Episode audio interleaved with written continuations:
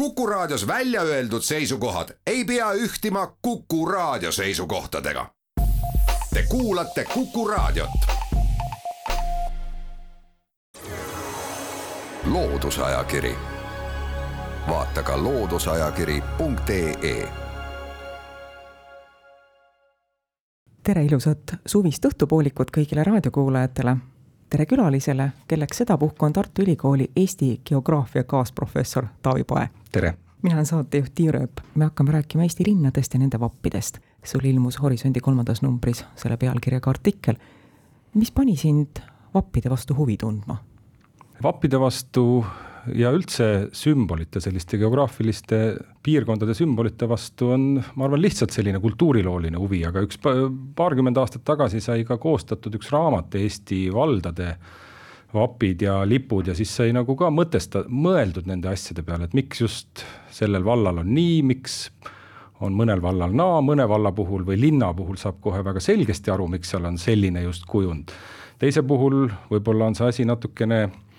huvitavam ja, ja siis lõpuks, kui mõtled, siis saadki aru, et võib-olla ei olegi neil head sümbolit ja siis on mindud abstraktsema sümbolini, et see, et paarkümmend aastat tagasi see huvi oli, aga nüüd konkreetsemalt see artikkel lähtub ühest äh,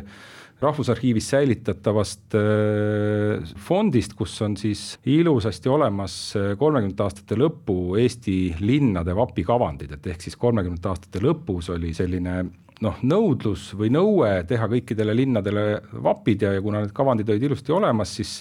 sai sellest üks kaart ka Postimehe viguriga kaartide sarja tehtud ja sealt edasi siis nüüd sai kirjutatud natukese lahti ka, et mis siis kolmekümnendatel aastatel toimus Horisondis sa kirjutad, et me võime ajalooliselt meie linnavapid jagada kaheks. see on muidugi selline, ma ei tea, kuivõrd teaduslik jagamine see on, aga, aga meil on olemas vanad linnad, millel on vanad vapid, võtame näiteks Tallinn, Tartu, Kuressaare, Haapsalu, ja üsna vanad linnad, selles mõistes on ka Võru linn ja Paldiski, ja, ja siis on nii-öelda nooremad linnad, mille vappide loome toimuski kolmekümnendatel. jah, et, et kogu Eesti tegelikult ajaloo mõttes, see ei ole nüüd ainult vappide mõttes, me vahest räägime, et on vanad linnad ja uued linnad, et need, need, millel ikkagi see ajalugu läheb kuhugile keskaega, me Eestis teame neid enamasti, et seal on mingid varemed kuskil ja ja neid võib natuke lugeda erinevalt, aga jah, et, et nendel vanadel linnadel on ikkagi see vapi ajalugu läheb siis paljudel juhtudel keskaega tagasi ja ja noh, Võru ja Paldiski puhul siis uuemad ja siis on mõned, mõne puhul võib veel niiviisi vaielda natuke, et noh, Põltsamaa on ka tegelikult Eestis ajaloos olnud niisugune ju üsnagi tähtis koht, aga kas tema ajalugu lugeda siis ka nende vanade linnade hulka, sest vahepeal on ta natuke jäänud väiksemaks. Aga ülejäänud, ütleme arvuliselt suurem hulk on ikkagi Eesti linnu, neid, mis on, kasvasid äh, kahekümnenda sajandi algupoole sellisteks linnalisteks asulateks, kui Eestis toimus selline protsess nagu ikkagi linnastumine ja noh, kus tekkis ka raudteede ümber linnu, enamasti nad on siis väikelinnad ja, ja et võib-olla siis see vappide mõttes see ongi see huvitav, et mis nendega toimus, sest nendel ennem midagi ei olnud ju, nendel oli vaja siis kolmekümnendatel aastatel luua see oma sümboolika, et, et see võib-olla on see huvitavam linnade siis ring kui need vanad linnad, millel mõnes mõttes oli paigas, kuigi seal on ka kindlasti vaidlusi, et äh, nüansside üle, et mis seal ikkagi täpselt keskajal juba oli, aga aga just need nooremad linnad on võib-olla huvitavamad. kes oli eestvedaja selles vapiloomes? ega nimeliselt ei saagi öelda, aga, aga see võib olla seotud sellise kolmekümnendate aastate üldse riigikorraldusliku nagu olukorraga ja kolmekümne 30 kolmekümne kuuendal aastal äh, kehtestati üks seadus, et äh, lausa Eesti maakondade ja linnade vappide ja lippude seadus, mis nõudis, et kõigil siis äh, linnadel pidi olema oma sümboolika. ja, ja kolmekümne kaheksandal aastal toimus veel Eestis haldusreform ka, kus tekkis neid väikseid linnu juurde, et põhimõtteliselt oli siis seadusega öeldud, et, et kõigil linnadel peab oma, olema oma sümboolika ja, ja seetõttu siis selline riigi arengu järgus jõudsimegi sinna, kus võib-olla, et kõigil oli vaja oma sümboolikat. ja võib-olla veel see, et tänapäeval me või noh, raske on nagu mõelda, et mis siis kolmekümnendatel toimus selles mõttes, et tänapäeval me sageli seostame sellise turismindusega võib-olla seda, et mis see sümbol, et see peaks olema kasutatav igal pool, nii ma ei tea, blanketi peal kui samas ka linnaväravas, äh, särgil, äh, turismi sellise et, et võib-olla toona see turism ei olnud nii veel tähtis, aga, aga igastahes see tuli riik ülevalt alla põhimõtteliselt, et see, et kõigil peab olema oma sümbol, vapp kas ülevalt alla tulid ka vapikavandid või sai aktiivne linnakodanik ka esitada oma nägemuse, milline võiks tema koduline vapp olla? Mõlemat pidi on olnud, et, et on,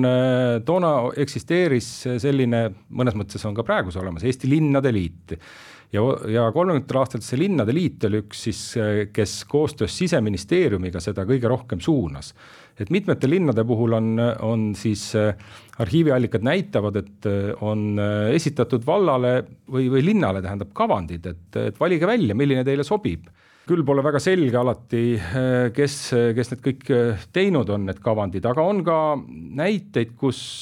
näiteks Antsla linna kohta on selgelt teada, et et esitas ka üks kohalik koduloohuviline, kes tegelikult elas pikka aega juba Tallinnas, aga tema on esitanud ka siis ilmselt läbi oma siis linnavalitsuse või linnavolikogu, et see jõudis ka siis sinna linnade liiduni ja et, äh, et ma arvan, et seal natuke oli seda demokraatlikku asja,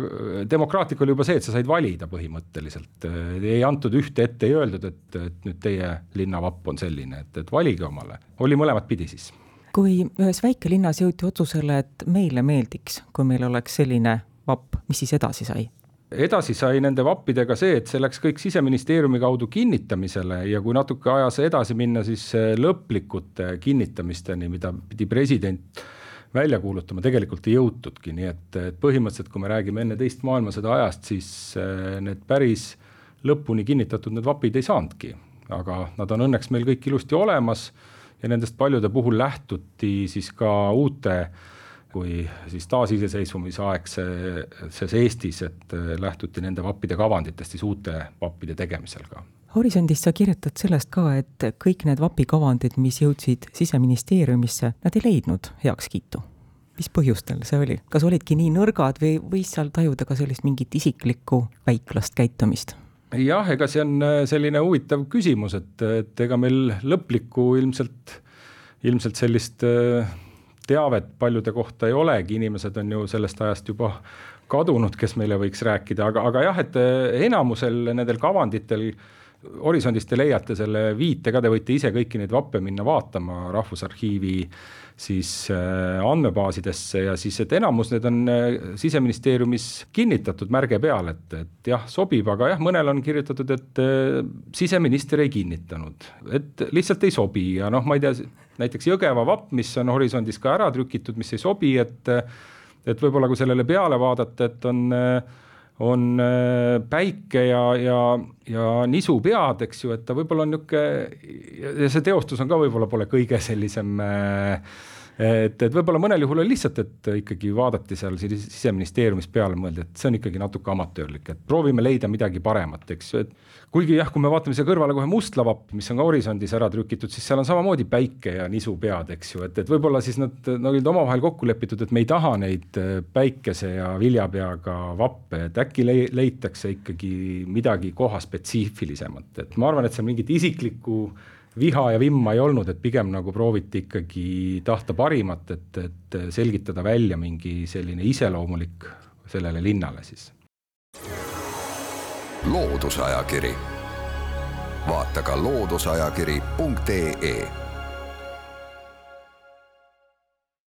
loodusajakiri jätkub, saates on külas Tartu Ülikooli kaasprofessor Taavi Pae, mina olen saatejuht Tiia Rööp enne pausi rääkisime Eesti linnade vapiloomest tuhande üheksasaja kolmekümnendatel aastatel ja sa ütlesid, et nii Jõgeva kui ka Mustla vapikujunduses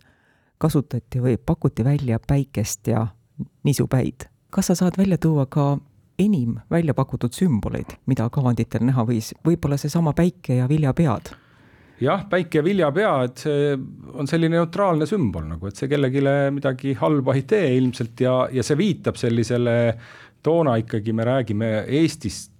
mis oli väga agraarne, et, et kuigi me räägime linnadest, eks ju, et tegelikult juba kohast, kus inimesed elasid koos ja võib-olla kus inimesed enam ei olnud seotud niivõrd põllumajandusega, siis ikkagi see väike ja viljapead ja võib-olla ristikhein on ka selline neutraalne sümbol, mida mitme linna puhul äh, tuli ette. Aga paljude linnade puhul ikkagi prooviti leida see mingi sümbol, mis siis ikkagi seda linna väga hästi iseloomustaks või et, et kui me neid kolmekümnendate aastate väikelinnade vappe vaatame, siis noh, Otepääl näiteks, et panna karu pea, eks ju, noh, et, et ikkagi kohanime järgi või noh, selle muinaslinnuse järgi või Elvas arbimänd või mõne puhul läheb asi natuke küll keerulisemaks, et kui me võtame Tõrva, Tõrva linna, siis et sinna on pandud tõrvapõletusahi, eks ju, et noh, tõesti seal ümbruses on tõrva põletatud, aga, aga no mitte nüüd enam kolmekümnendatel aastatel. või siis äh, Sindi ja, ja kanga kudumine või, või Mõisaküla ja selline Vasar ja Alasi, eks ju, et niisugune tööstuslinn, eks ju, et proovida midagi sellega konkreetse kohaga, mis oleks nagu ära tuntav. Et see, kui Mustla linn sai näiteks Rukki räägu, eks ju, siis noh, et äh, põlati ära viljapea ja päike ja selle asemele pandi Rukki rääk, et ega vist keegi kohe Rukki rääguga ei ütle, et ah oh,, see on see Mustla, eks ju. Horisondis sa kirjutad lahti ka Türi vapi muutused läbi aja. Ja seda kirjeldust lugedes tekkis mul selline küsimus, kui kaheksakümmend aastat tagasi oli Türi linna jaoks tohutult oluline objekt Eesti Ringhäälingu saatejaam, mis siis, kui ta tööle hakkas tuhat üheksasada kolmkümmend seitse, siis ta oli Euroopa kõige ägedam, võib nii öelda. ja aja jooksul on see kaotanud oma olulisust, mis tähendab seda, et Türi vapp on ka muutunud. viited Ringhäälingu mastile on sealt kadunud, praegu ilutseb seal ainult õun. kas on täitsa mõistlik ja, ja loomulik, et me, kui ajad muutuvad ja linnade olulised märgilised asjad muutuvad. et me vaatame vappe üle, me teeme uuesti ümber, muudame neid ma arvan, et ega see halb ei ole, et, et loomulikult see Türi ja saatemasti sümbol oli kindlasti väga tugev see kolmekümnendate lõpus, aga noh, see oli lühikest aega suhteliselt. teisalt me võime ka nii vaadata, et kas me Tartu linnavapil on näiteks keskaegsed linnaväravad, mida Tartus ei ole ju olemas, et, et kas me siis eh, noh, nende kallale me ilmselt ikkagi ei lähe, aga, aga noh, see on niisugune keskaegne sümbol, et eh, aga jah, et see Türi valla vapi areng, et need eh, nii-öelda raadiomärgi sümbolid olid veel olemas siis kahe tuhandete aastate alguseni Türi linna vapil, eks ju, aga siis Türi linn ja Türi vald liitusid, mis tähendab juba, et Türi valla mõttes nagu võib-olla see raadiomast polegi enam nii tähtis ja nüüd me nende valdade liitumistega oleme jah, jõudnud äh, põhimõtteliselt siis olukorda, kus kolmekümnendate aastate lõpust, kus oli sümboliks raadiomast ja õun või õunapuu, on raadiomast ära kadunud ja on jäänud ainult viide õunale, eks ju, mis siis noh, viitab Türile kui aiandus pealinnale ja samas noh, õun on jällegi niisugune hea neutraalne, see sobib ka igale, igale eestlasele, ma arvan, et igas aias on ju õunapuu olemas, nii et eh, ja, ja noh, ega see raadiomast, kõik, kes Türile satuvad või Ringhäälingu muuseumisse, siis ega see tasub ka ikka alati meenutamist, et Türi oli kunagi selline tähtis koht raadio mõttes. viimane haldusreform, mida ta on teinud meie vapimaastikuga, hõrendas ridasid jah, viimane haldusreform õrendas kõvasti ridasid, teisalt muidugi tekitas natuke ka vappe juurde, sellepärast et omavalitsused pidid hakkama mõtlema selle peale, et milline on siis see sümbol, mis neid uusi liidetud omavalitsusi ühendab ja, ja mitmelgi juhul on see üsna keeruline, et, et kuna võib-olla see sellist ilusat ajaloolist ühtset sümbolit, mis siis nüüd kõike ühendab, väga hästi ei leiagi, et kui me seesama siit Tartu lähedalt selle Elva näite võtame, et kui Elva ja Arbimänd äh, läksid ilusti kokku, aga nüüd suur Elva vald, mis äh, ühendab äh, ka Rannu ja Puhja inimesi, eks ju, siis nendele see Arbimänd enam võib-olla midagi ei ütle ja ja kes otsivad internetist, leiavad, et, et Elva on oma sümboliks võtnud sellise lihtsalt ühe mustri, et põhimõtteliselt, mida annab nii kasutada ilusti lipu peal kui ka äh, igasuguste dokumendiblankettide peal, aga ta ei anna meile tegelikult edasi mingit sellist äh, kohapealset äh, tunnetust mingist geograafilisest objektist. et paljudel juhtudel, et kui te kujutate ette näiteks Saaremaad, kus oli üle kümne valla kunagi, neil kõigil oli oma äh, vapp, eks ju, ja tänasel hetkel on meil üks Saaremaa vald, millel on üks vapp ja Kuressaare ja nüüd ma jään kohe mõttesse, et Kuressaare linn vist kasutab seda keskaegset vappi ka vast edasi. aga lihtsalt, et selline vaesumine on meil tekkinud, et meil on tegelikult suur hulk äh, valdasi oma vappidega jäänud äh, siis äh,